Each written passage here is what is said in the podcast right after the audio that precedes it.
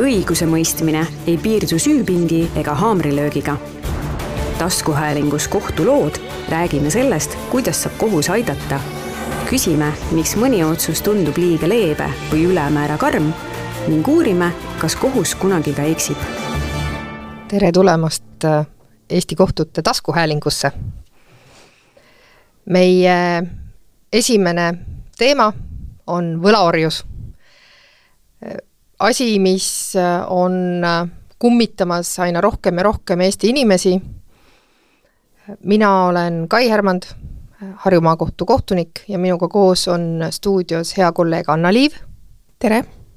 kes on samuti Harju Maakohtu kohtunik ja äh, võlanõustaja Evelin Eichhorst. jah, tere!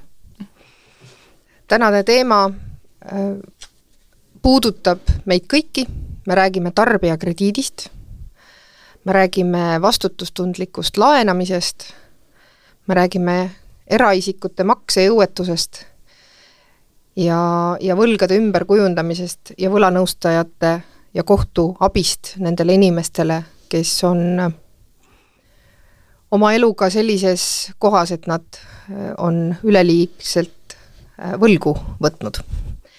aga et äh, võib-olla nende keeruliste terminite taha vaadata Anna, räägi meile, mis on need, mida tähendab tarbijakrediit, mis on, mis on äh, selle taga? et äh, jah, tõesti, termin on, on pikk ja keeruline ja väga tihti esimene seos, kui kuulda sõna tarbijakrediit, on kiirlaen. aga tegelikult on, on see olukord laiem. et tõsi, kiirlaenud äh, moodustavad väga suure osa tarbijakrediidist aga tegelikkuses igasugune laen, mille on andnud eraisikule mõni ettevõte, mõni äriühing, ongi oma olemuselt tarbijakrediit. ehk et kui naabrilt minna võtta laenu, siis see on tavaline laen, aga kõik äh, järelmaksuga ostetud telefon ja ka näiteks järelmaksuga ostetud reis, vahel ka eh, kolme kuu peale jaotatud ost poest võib olla tarbijakrediit. ehk siis ka näiteks, kui ma ei suuda oma hambakroonide eest maksta ja palun äh, teha maksegraafiku oma hambaarsti? jah, ka see võib, äh, võib tarbijakrediidiks osutuda. ja Evelin, äh, need inimesed, kes on laenamisest teinud elunormi, kes on selles rattas niimoodi kinni, et et nad sellest äh, enam välja ei saa. mingisugusel hetkel jõuavad nad äh, sinu juurde, räägi, kes need inimesed on, räägid võib-olla mõne loo meile mm. -hmm. Need inimesed on tegelikult täiesti tavalised inimesed meie keskelt, need inimesed, keda me näeme tänaval. Ähm, see võib olla inimene, kes teenib väga head palka lihtsalt äh, ta on otsustanud siis äh, oma seadmed, oma auto, äh, oma tarbimisvajadused katta järelmaksudega ja mingi moment siis kas ta jõuab sinnamaani, et, et ta on vale kalkulatsiooni teinud või kui elu tuleb vahele, on haigus, on töötasu kadu kuidagi, siis ta jõuab punkti, kus ta lihtsalt ei, ei saa enam tasuda. et see aeg, kus me Äh, arvasime või kus oli nagu selline ootus, et äh, võlglane on nii-öelda see kuskil äh, poe taga äh, hiiliv äh, alkoholihaisuline inimene äh,, see ei vasta enam täna tõele. et äh, võlgu võib jääda täna igaüks ja, ja neid laene on täna hästi lihtne saada ja inimesed kipuvad äh, nii-öelda selle lihtsa raha lõksu minema jaa, statistika ütleb ju ka, et et äh, keskmine laenuvõtja, keskmine kiirlaenuvõtja küll, on äh, Harjumaal elav neljakümne kuue aastane mees, kellel on keskharidus ja äh, püsiv töökoht. Anna, kuidas sina iseloomustad neid inimesi? Kui me vaatame seda võlgnike profiili, kes, kes jõuavad meile kohtumenetlustesse, kus siis laenuandja on tulnud oma võlga kohtu kaudu nõudma siis äh, täpselt nii, nagu Evelin enne ütles, see on nii seinast seina, nooremaid vanemaid inimesi, pereinimesi äh,, nii võib-olla põhi- või keskharidusega, kui ka tegelikult äh, magistrikraadiga inimesi, kes ja, ja igalt erialalt ja elualalt, kes, kes võivad sattuda olukorda, kus äh, võib-olla mõneti läbimõtlemata või väga lihtsalt saadud laen on nüüd hakanud üle jõu käima ja, ja see probleem on nii suureks läinud, et, et siin on nüüd kohtuabi vaja. mis on need põhilised äh, ütleme siis noh, õiguslikud probleemid, äh, mille otsa me kohtus äh, nii-öelda komistame selles mõttes, et mitte kohtunikud ei komista, aga inimesed komistavad, miks, miks need võlasummad tunduvad nii ebaõiglaselt suured ja, ja võib-olla räägimegi siis sellest, äh, sellest tavalisest äh, võlanõudest, äh, mis seal kohtumenetluses siis saama hakkab või, ja, ja, ja kuidas siis kohus seda inimest aidata saab?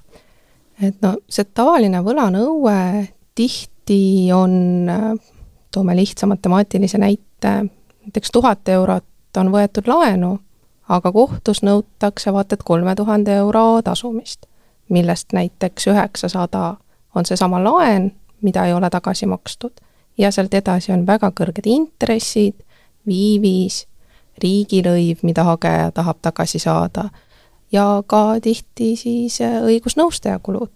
ja, ja selle inimese jaoks, kes kunagi võttis tuhat eurot laenu, suure tõenäosusega midagi on ta ka tagasi maksnud, on ta maksnud ka väga kõrget intressiprotsenti võib-olla on ta juba viissada eurot jõudnud mingite osamaksete ja viivistega maksta ja kohtus tahetakse talt veel kolme tuhandet saada.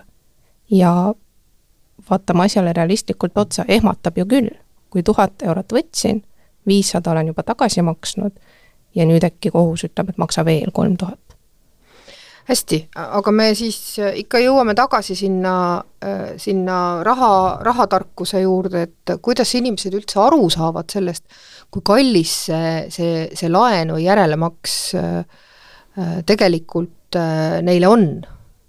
ehk siis räägime vastutustundlikust laenamisest ja, ja krediidikulukuse määrast, ma vaatan siin Evelinile otsa, et, et sina pead kindlasti oma, oma klientidele seda ju äh, inimkeeli ja, ja äh, lihtsalt äh, selgitama. meie kuulajad ilmselt tahavad ka seda teada mm. -hmm no selles suhtes äh, need ajad on möödas, kus äh, need lep-, lepingud olid sellised väikses kirjas ja raskesti leitavad numbrid, et et täna jõuavad tihti inimesed minu juurde lepinguga, kus on suur tabel, kus on siis kirjas, et võtad viis tuhat, maksad neliteist tagasi. et noh, sa ei pea väga palju otsima, et aru saada, kui palju see laen sulle tegelikult maksma läheb. Mulle tundub, et, et seda väga tihti ei vaadata. et eh, mis see number siis päriselt on, mis ma tagasi pean maksma. Ehm, noh, võiks ju alustada juba intressist, et mis see intress siis on, eh, kui ma võtan eh, tuhat euri, aasta jooksul kasutangi seda tuhat euri, ei maksa seda tagasi, hoian lihtsalt oma käsutuses, siis kakskümmend viis protsenti intressi tähendab seda, et aasta lõpuks on minu nõue tuhat euri pluss kakssada viiskümmend euri, mis on siis intress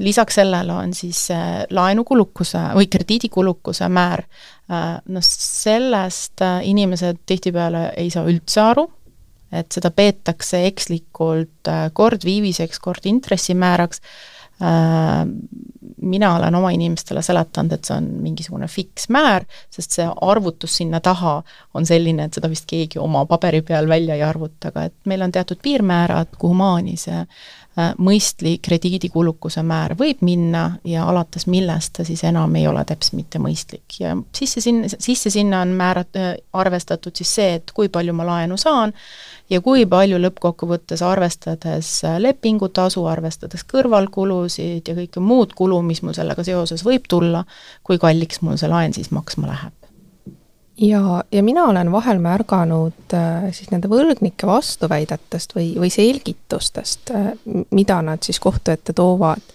et äh, seda, noh, seesama näide, et võtad viis, maksad tagasi neliteist, et ega seda üldsummat ei kiputa vaatama, vaadatakse, mis see kuumakse on. ja kui see ühekordne kuumakse tundub, et noh, see on ju tehtav, siis seda summat kokku ei liideta. Ja vahel on ka see vastuväide, et aga ma ei saanudki aru, kui palju ma pean lõpuks tagasi maksma.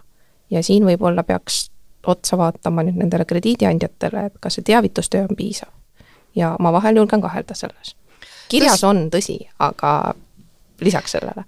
tõsi ta on, et seadus nõuab äh, sellise mm, nii-öelda simulatsiooni või, või, või näidislahenduse äh, pakkumist ja mina äh, siis suurest uudishimust läksin vaatama ka erinevate krediidiandjate kodulehele, kus on tõesti see nii-öelda krediidikalkulaator olemas Äh, sa saad sinna sisestada laenusumma, äh, sulle antakse just nimelt äh, see igakuine tagasimakse suurus, kuvatakse sulle. Aga mida sulle ei näidata, on, on siis tõesti see, mis on see kogusumma, mida sa maksad. ja, ja inimesele kindlasti tundub väga ahvatlev, et kui ma võtan tuhat eurot laenu ja pean maksma tagasi kõigest viiskümmend kaheksa eurot kuus, aga kui me korrutame selle viiekümne kaheksa eurot kuus näiteks kogu selle äh, laenu ajaga, ehk siis neid osamakseid näiteks on kakskümmend neli või nelikümmend kaheksa, siis me saame teada äh, selle, mis on siis see tegelik äh, suurus, mida inimene, inimene peab tagasi maksma.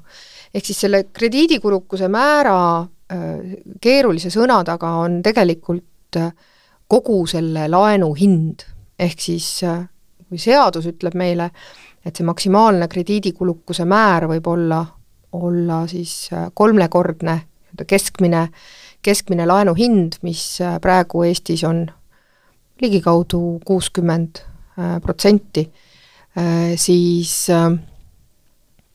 siis tegelikult kui me juba sellistest summadest räägime, siis, siis olgu see siis intress või krediidikulukuse määr, mis on kuuskümmend või viiskümmend või ka nelikümmend protsenti, siis see on ilmselgelt äh, liiga palju.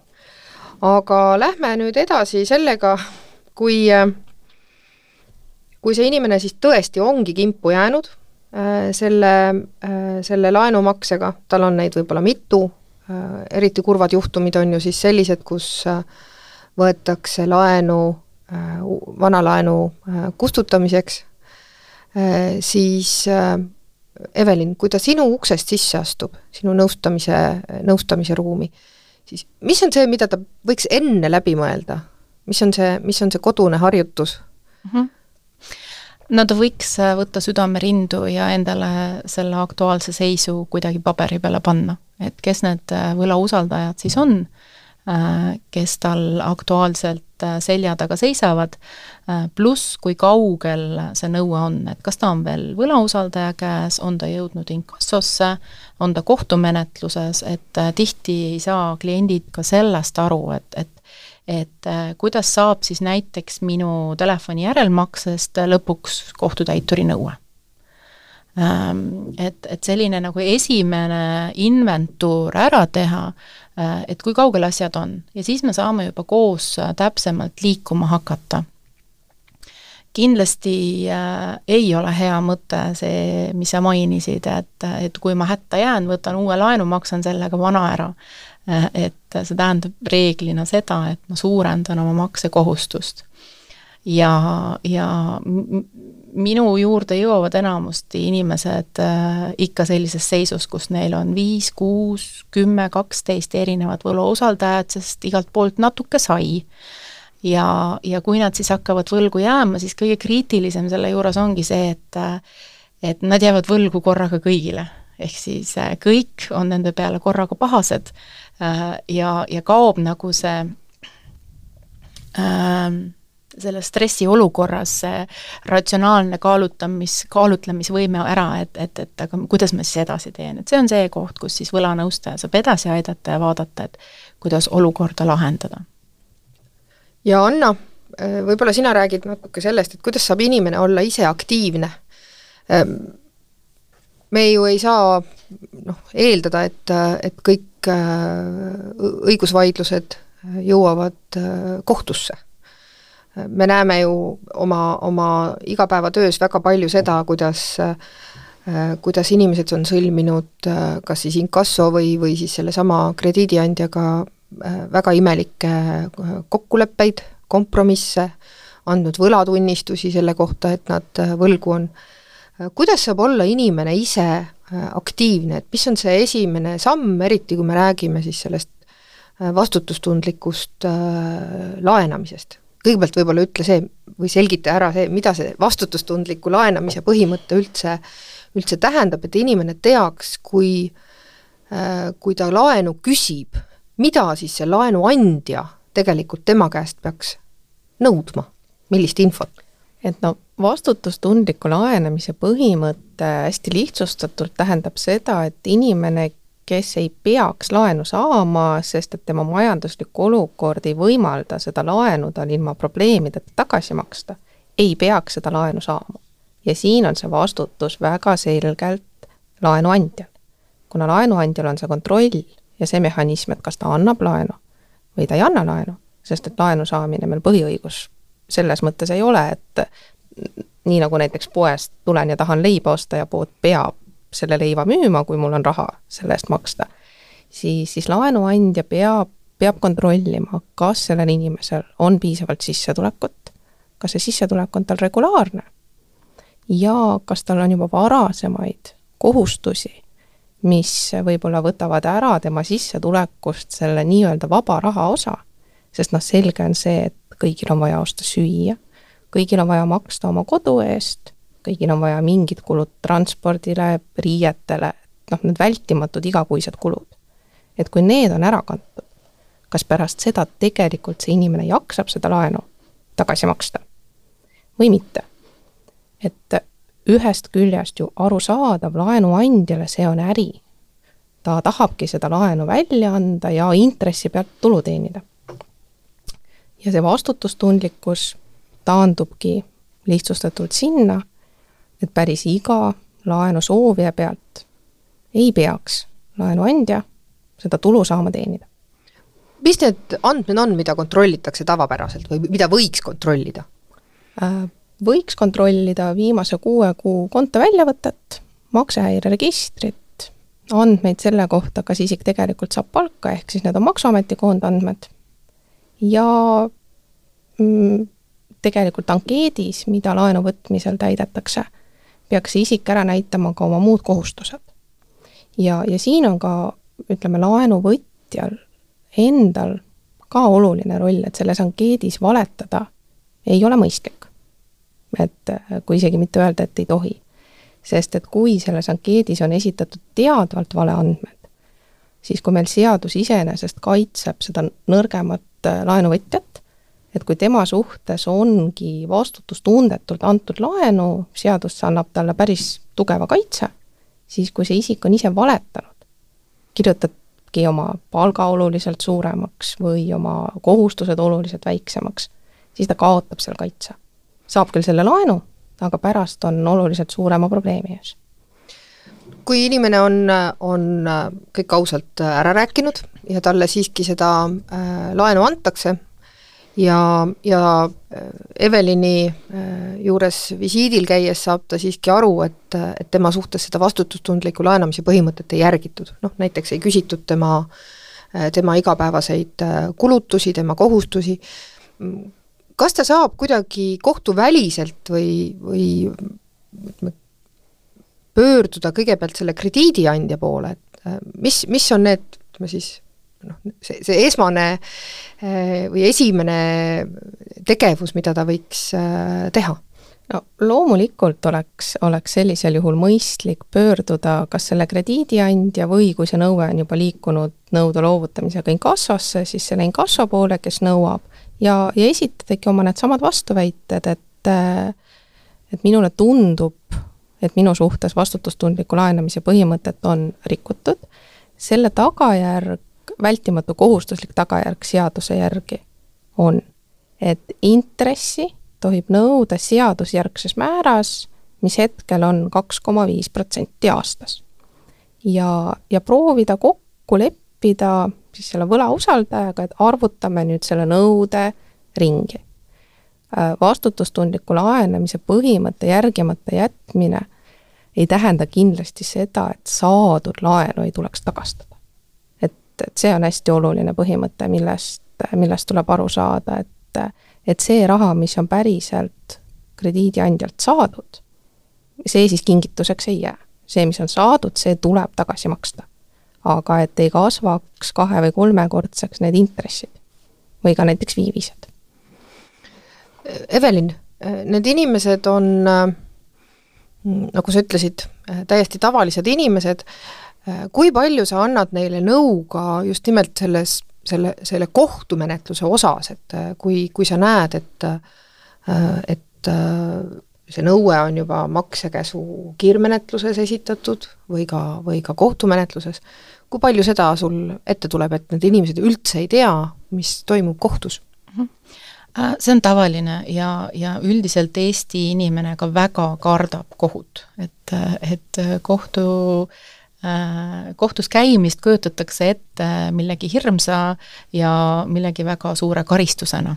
Ehk siis äh, seda, seda noh, siin nagu väga ilusti on öelnud, et öeldud, et kohus saaks siin appi tulla, siis, äh, siis seda, seda inimene tavaliselt äh, ilma sellise nõustamise pooleta ei näe nüüd, kui ka, kui palju mina konkreetselt abistada saan, sõltub konkreetsest juhtumist. kui tegemist on lihtsama juhtumiga, me saame seal Äh, kokkuleppeid äh, näiteks võlausaldajaga läbi maksekäsu kiirmenetluse, siis seal ma saan toetada. Äh, kui asi läheb edasi hagimenetlusse, siis ma saan omalt poolt anda mõtteid, ideid, kuidas selle asjaga ümber käia või mis väljavaated seal on, ja siis on juba inimese otsustada, et et mis ta täpselt sellega teeb. Et kas ta leiab endale advokaadi või, või ta otsustab need argumendid ise paberi peale panna ja me aitame viimistleda, või kuidas sellega on, minu kogemus täna on see, et et Eesti kohtud on sellistes menetlustes pigem inimese poolt, kui inimene vähegi ette võtab ja vähegi oma olukorda selgitab, siis, siis ähm, ei ole seda, et, et teda ei arvestata või et, et tema huvisid ei, ei, ei tasuks kaitsta. ma vaatan siin kohe Annale otsa, Anna noogutab. Räägi, mis siis toimub kohtus, kui inimene, olgu see siis maksekäsu kiirmenetlus või ka, või ka ütleme siis äh, äh, hagimenetlus äh,, mida inimene peab tegema ja mida kohtunik äh,, millist abi saab kohtunik inimesel pakkuda ja millal? no kõige olulisem on, on vast äh, aru saada sellest, et, et kohut ei ole vaja karta. et, äh, et eriti sellistes äh, võlavaidlustes, kus tarbija on alati nõrgem pool ja, ja ka seadus väga selgelt sätestab, et tarbija on see kaitset, tugevat kaitset vajav pool. et, et sellises olukorras kohus, kohus tarbijale appi tuleb Äh, kohus ei anna hinnanguid äh, stiilis, miks sa siis võtsid laenu ja kuidas sa nüüd olid nii rumal, et sa võtsid laenu ja miks sa nüüd siia oled sattunud. et äh, see ei ole kohtu koht. ja, ja seadus ütleb, et kohtul on kohustus ise kontrollida, kas seda vastutustundliku laenamise põhimõtet on järgitud või ei ole järgitud. aga kohtul on seda kordades lihtsam teha kui see võlgnik kohtuga suhtleb. See ei ole õiguslikult keerukas, siia ei ole vaja advokaati, et kulutada advokaadile raha, vaid piisabki, kohtul on vaja teada, mis juhtus. sest et kohus teab väga hästi, mis on seaduses kirjas, aga kohus ei ole olnud selle lepingu sõlmimise juures, mingite maksete tegemise juures. ja, ja kohtunik ei tea, mis on varem toimunud. mida rohkem on kohtunikul infot, seda lihtsam ja parem on sellele samale võlgnikule, kohus saab teha lahendi, mis on võlgnikku nii maksimaalselt siis toetav või seda ebamõistlikku intressi ja viivist vähendav, kui, kui see vähegi on võimalik. aga kui kohtunikul ei ole seda infot, siis on seda lahendit oluliselt raskem ka teha mida ma kindlasti ka selles võtmes inimestele meelde tuletaks, on see, et kohtuga suheldes tuleb alati jälgida tähtaegu. et, et ükskõik kui hea argument mul on, kui ma saadan selle liiga hilja, tagantjärgi, siis kui juba otsus on tulnud või millal iganes, siis sellest ei ole kasu. kohtuga suheldes tuleb endale selgeks teha, millal tulid kirjad, vaadata järgi, kui kaua mul on vastamiseks aega ja, ja panna endale see kas või kalendrisse kirja, et näiteks ma ei tea, hiljemalt kolmekümnendaks septembriks tuleb vastus ära esitada ja see peab siis ka jõudma kolmekümnendal septembril, mitte niimoodi, et noh, ei jõudnud, panin siis esimesel oktoobril, et see enam ei kehti. ja, ja kui ise jääb hätta inimene sellega, et ma ei oska välja arvutada, kust nüüd kohus tavaliselt kirjutab, vastata neljateist päeva jooksul. kui seal on omad reeglid, kuidas seda arvutada, alati saab kohtust siis küsida, et ma sain sellises asjas sellise dokumendi, millal ma pean vastama. ei ole mina veel kuulnud, et keegi kolleegidest siis jätaks ütlemata, millal on vaja vastata. et kohtul on ainult hea meel, kui te suhtlete kohtuga. me oleme nüüd päris palju rääkinud sellest, kui just, kui kohtusse pöördub äh, laenuandja, ehk siis inimene on, on võlgu jäänud Äh, ta ei suuda oma kohustusi täita ja, ja laenuandja nõuab siis äh, selle laenu, äh, laenu tasumist. aga seal noh, jääb inimesele selline passiivne roll, eks ole, et on, on meil ka ju erinevaid võimalusi, kus inimene saab olla ise aktiivne, kui ta noh, tõesti saab aru, et, et ta on, ta on oma rahaliste kohustuste täitmisega hädas. mis on need teised äh, võimalused, mida, mida Evelin, sina oma, oma klientidele soovitad hmm.? No eks meil on siis äh, võimalused ka pöörduda maksejõutusmenetlusega kohtusse. Kui inimene vaatab oma olukorra üle ja selgub, et et meil ei ole siin tegemist ühe-kahe võlaga, mille me saame võib-olla graafikusse ja, ja kohtus menetletud, vaid neid võlgu on palju, ma tõenäoliselt ei tule nende tasumisega iseseisvalt toime, on võimalik pöörduda kohtusse äh, ja paluda algatada maksejõuetusmenetlus. täna siis äh, ühe avaldusega on võimalik äh, valida kahe erineva maksejõuet, noh, põhimõtteliselt kahe erineva maksejõuetusmenetluse vahel, üks on siis pankrot koos võlgadest vabastamise menetlusega ja teine on võlgade ümberkujundamine. Äh, meie kogemus täna on see, et, et kahjuks kipuvad inimesed liiga kaua ootama Äh, ja me peame algatama, me peame valima pigem pankrotti, mis tähendab seda, et äh, tehakse nii-öelda selline mm, puhas leht, ehk siis kõik, mis on vara, proovitakse teha rahaks, et sellest katta ära äh, äh, võlad äh, ja need võlad, mis jäävad üles, neid tuleb siis ülejäänud menetluse raames tasuda kohtus ette nähtud äh, reeglite järgi kui nüüd inimene jõuaks varem, õigeaegselt äh,, nii et äh,, et äh, näiteks kõrvalkulude vähendamise, graafiku ümbertegemise või muude võtetega oleks võimalik tema maksevõimet äh, taastada, siis on võimalik algatada ka võlgade ümberkujundamismenetlus. et äh, olnud, on olnud meil inimesi, kes tänu sellele saavad näiteks alles jätta oma oma sõiduki või siis eluaseme, ehk siis sel juhul ilmtingimata kogu vara rahaks ei tehta. jah, tõsi on see, et, äh, et maksejõuetusavaldustega jõuavad inimesed äh, kohtusse äh, siis, kui, kui neil tõesti enam midagi muud teha ei ole. Ja, ja väga laias laastus on on ikkagi neid äh, pankrotiavaldusi äh, oluliselt rohkem kui, kui võlgade ümberkujundamist.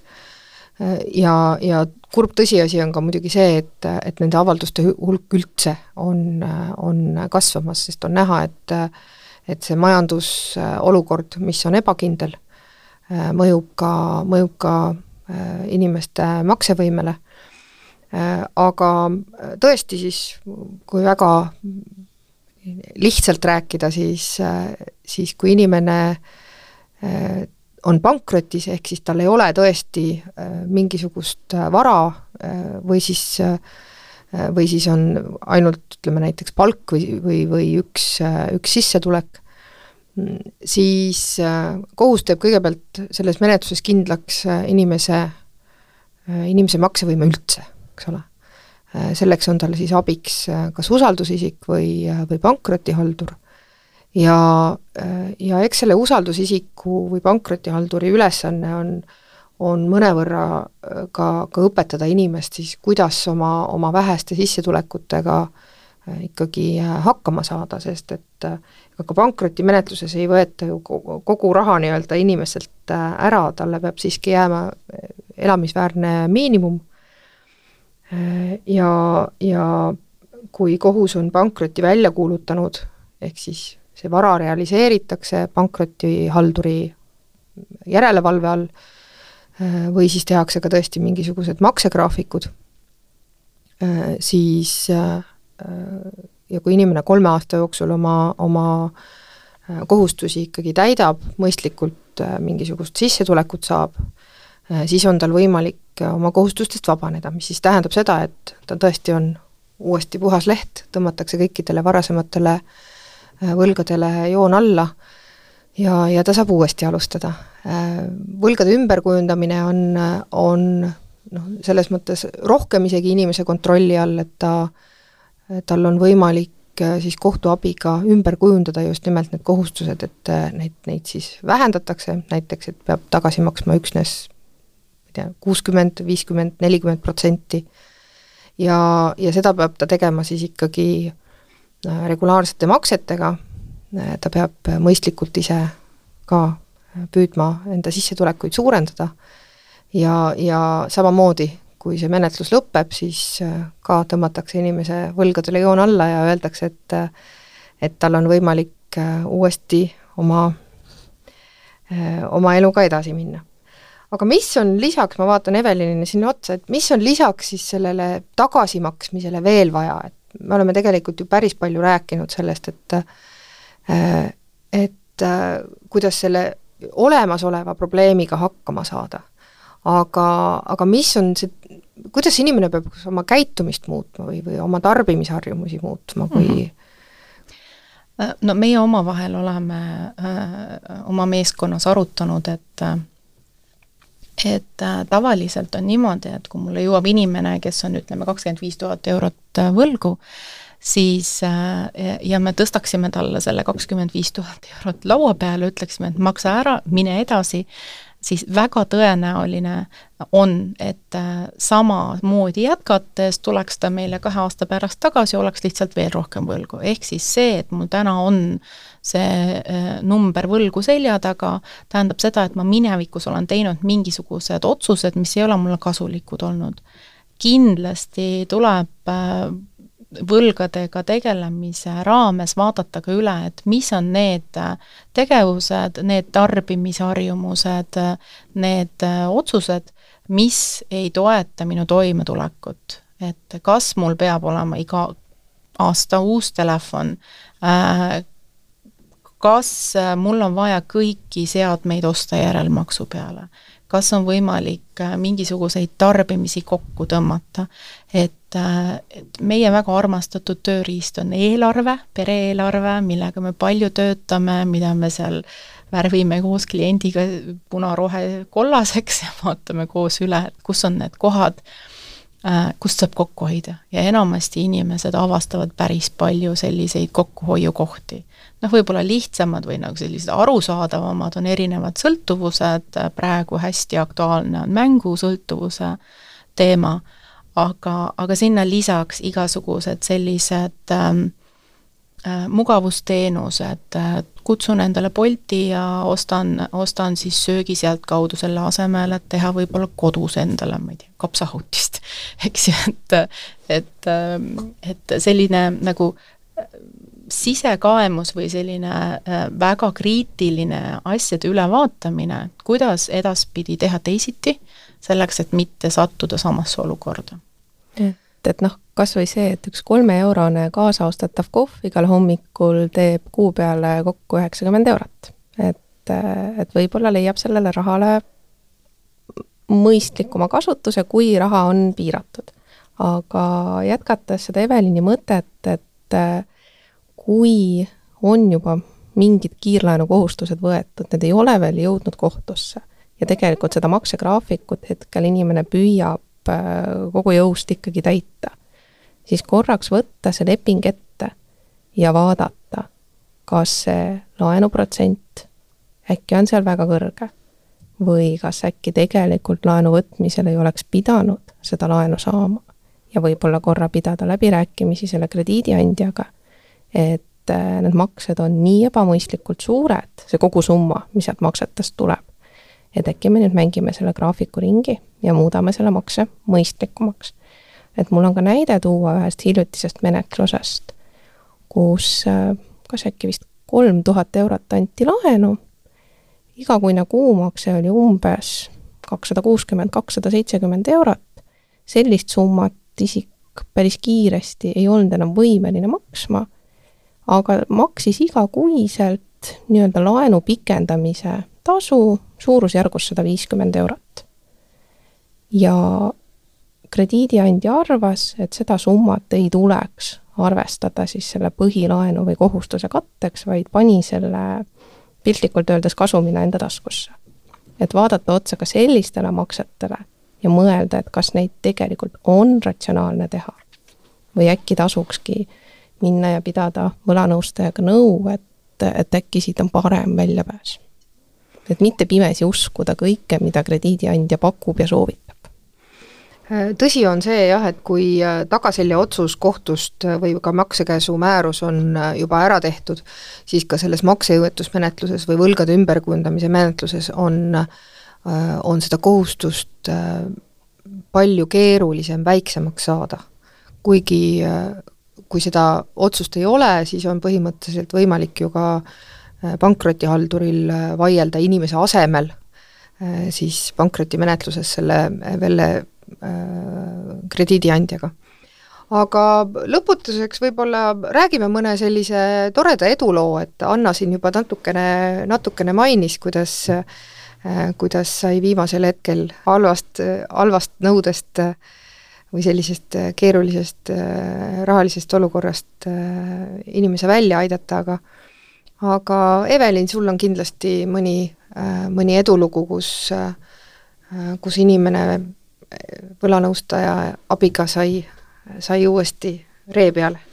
võib-olla selline nagu kiireim ja toredaim on nüüd äh, üks naisterahvas, kes meie juurde jõudis, tema töötas koristajana ja oli talle siis kogunenud kolm tuhat eurot võlgu Äh, mis, mis olid kõik juba kohtutäituris, äh, kolm erinevat menetlust, noh, rela-, või suhteliselt väiksed nõuded tavaliselt, aga kuna sissetulek oli hästi madal, siis äh, siis on neid ka keeruline ära kanda ja, ja selle, tihti mis me näeme, on see, et selle inimese reaktsioon on siis tardumine.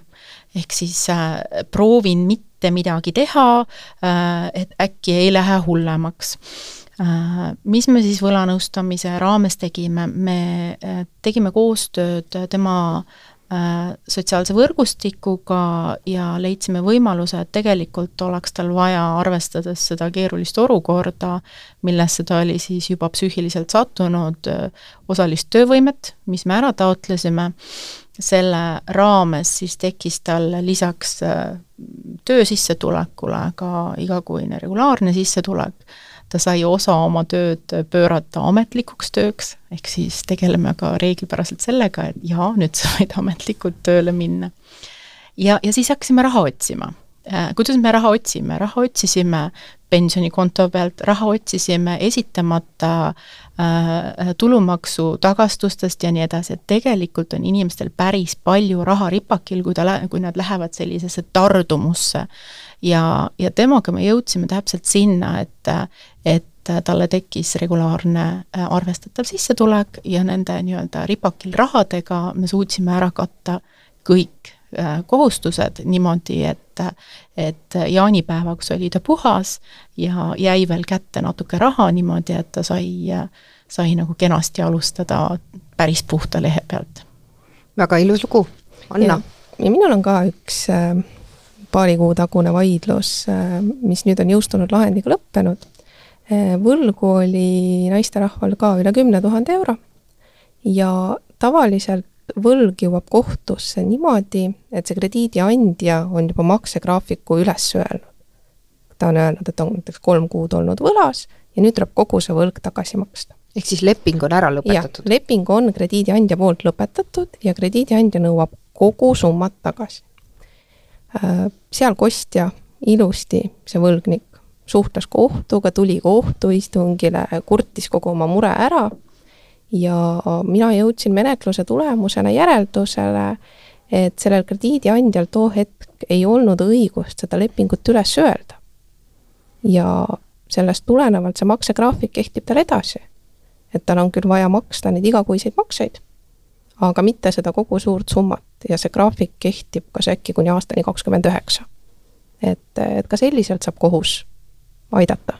aga taaskord, kui ma ei oleks teadnud seda infot, kui see võlgnik ei oleks tulnud ja mulle kohtusaalis ära rääkinud, mis tegelikult toimus, siis ma ei tea, milline see lahend oleks tulnud. eks siis, kui me võtame kokku selle, selle vestluse, siis äh, kindlasti tuleb oma kohustused täita. ja, ja äh, kui teilt äh, on, teile on laenu antud, siis, siis kindlasti tuleb tasuda see laen tagasi aga tuleb äh, olla ka ise hoolas ja vaadata, kui suur on siis see, äh, kui suur on see hind, selle, selle laenu hind, ehk siis üleliigset hinda ei tasu äh, ja ei tulegi maksta. kindlasti on, on vaja kohtuga suhelda ja suhelda tähtaegselt ja õigeaegselt. ja, ja kindlasti on vaja teha iseenda kohustustest äh, inventuur. ehk siis äh, võtta süda rindu ja, ja panna oma äh, kulud ja, ja tulud paberile, kui ise ei oska, siis võlanõustaja abiga. ja Evelin, mis on mhm. sinu mina ütleksin lõppu võib-olla sellise mõtte, et vahetevahel on kõige parem laen see, mida ma ei saanud et, et kui ma midagi ei saanud, see ei tähenda seda, et ma pingutan rohkem ja võtan mujalt, vaid see on see stardipunkt, kust vaadata, et äh, kuidas ma olen sinnamaani jõudnud, et mind enam ei usaldata ja mida ma ta-, saan teha selleks, et ennast jälle stabiliseerida. ja võlanõustamisele saab pöörduda läbi kohalike omavalitsuste, et kohalik omavalitsus on, äh, võlanõustamine on kohaliku omavalitsuse kohustuslik teenus Äh, mida tuleb siis elujär-, äh, elukohajärgsetele elanikele võimaldada ja julgustan julgesti pöörduma võla, äh, sotsiaaltöötaja poole. Anna, ja, mina toon siia lõpetuseks võib-olla sellise võrdluse, et see kohtuga suhtlemine on, on võib-olla natukene nagu hambaarsti juurde minek, et ega väga ei taha, aga kui on ära käidud, siis tegelikult halvemaks ei ole midagi läinud, vaid, vaid pigem on mure lahenduse saanud väga hea võrdlus. meie kutsume üles kõiki kuulajaid andma meile tagasisidet, ütlema meile, mis on need teemad, mille üle te tahate, et kohtunikud ja nende kolleegid äh, arutaksid. tagasisidet saab anda meiliaadressile meedia et kohus punkt ee. suur tänu teile kuulamast, mina olen Kai Hermand. mina olen Evelin Eichhorst, aitäh kutsumast! ja mina olen Anna Liiv. kena päeva! Õigusemõistmine ei piirdu süüpingi ega haamrilöögiga. taskuhäälingus Kohtulood räägime sellest, kuidas saab kohus aidata. küsime, miks mõni otsus tundub liiga leebe või ülemäära karm ning uurime, kas kohus kunagi ka eksib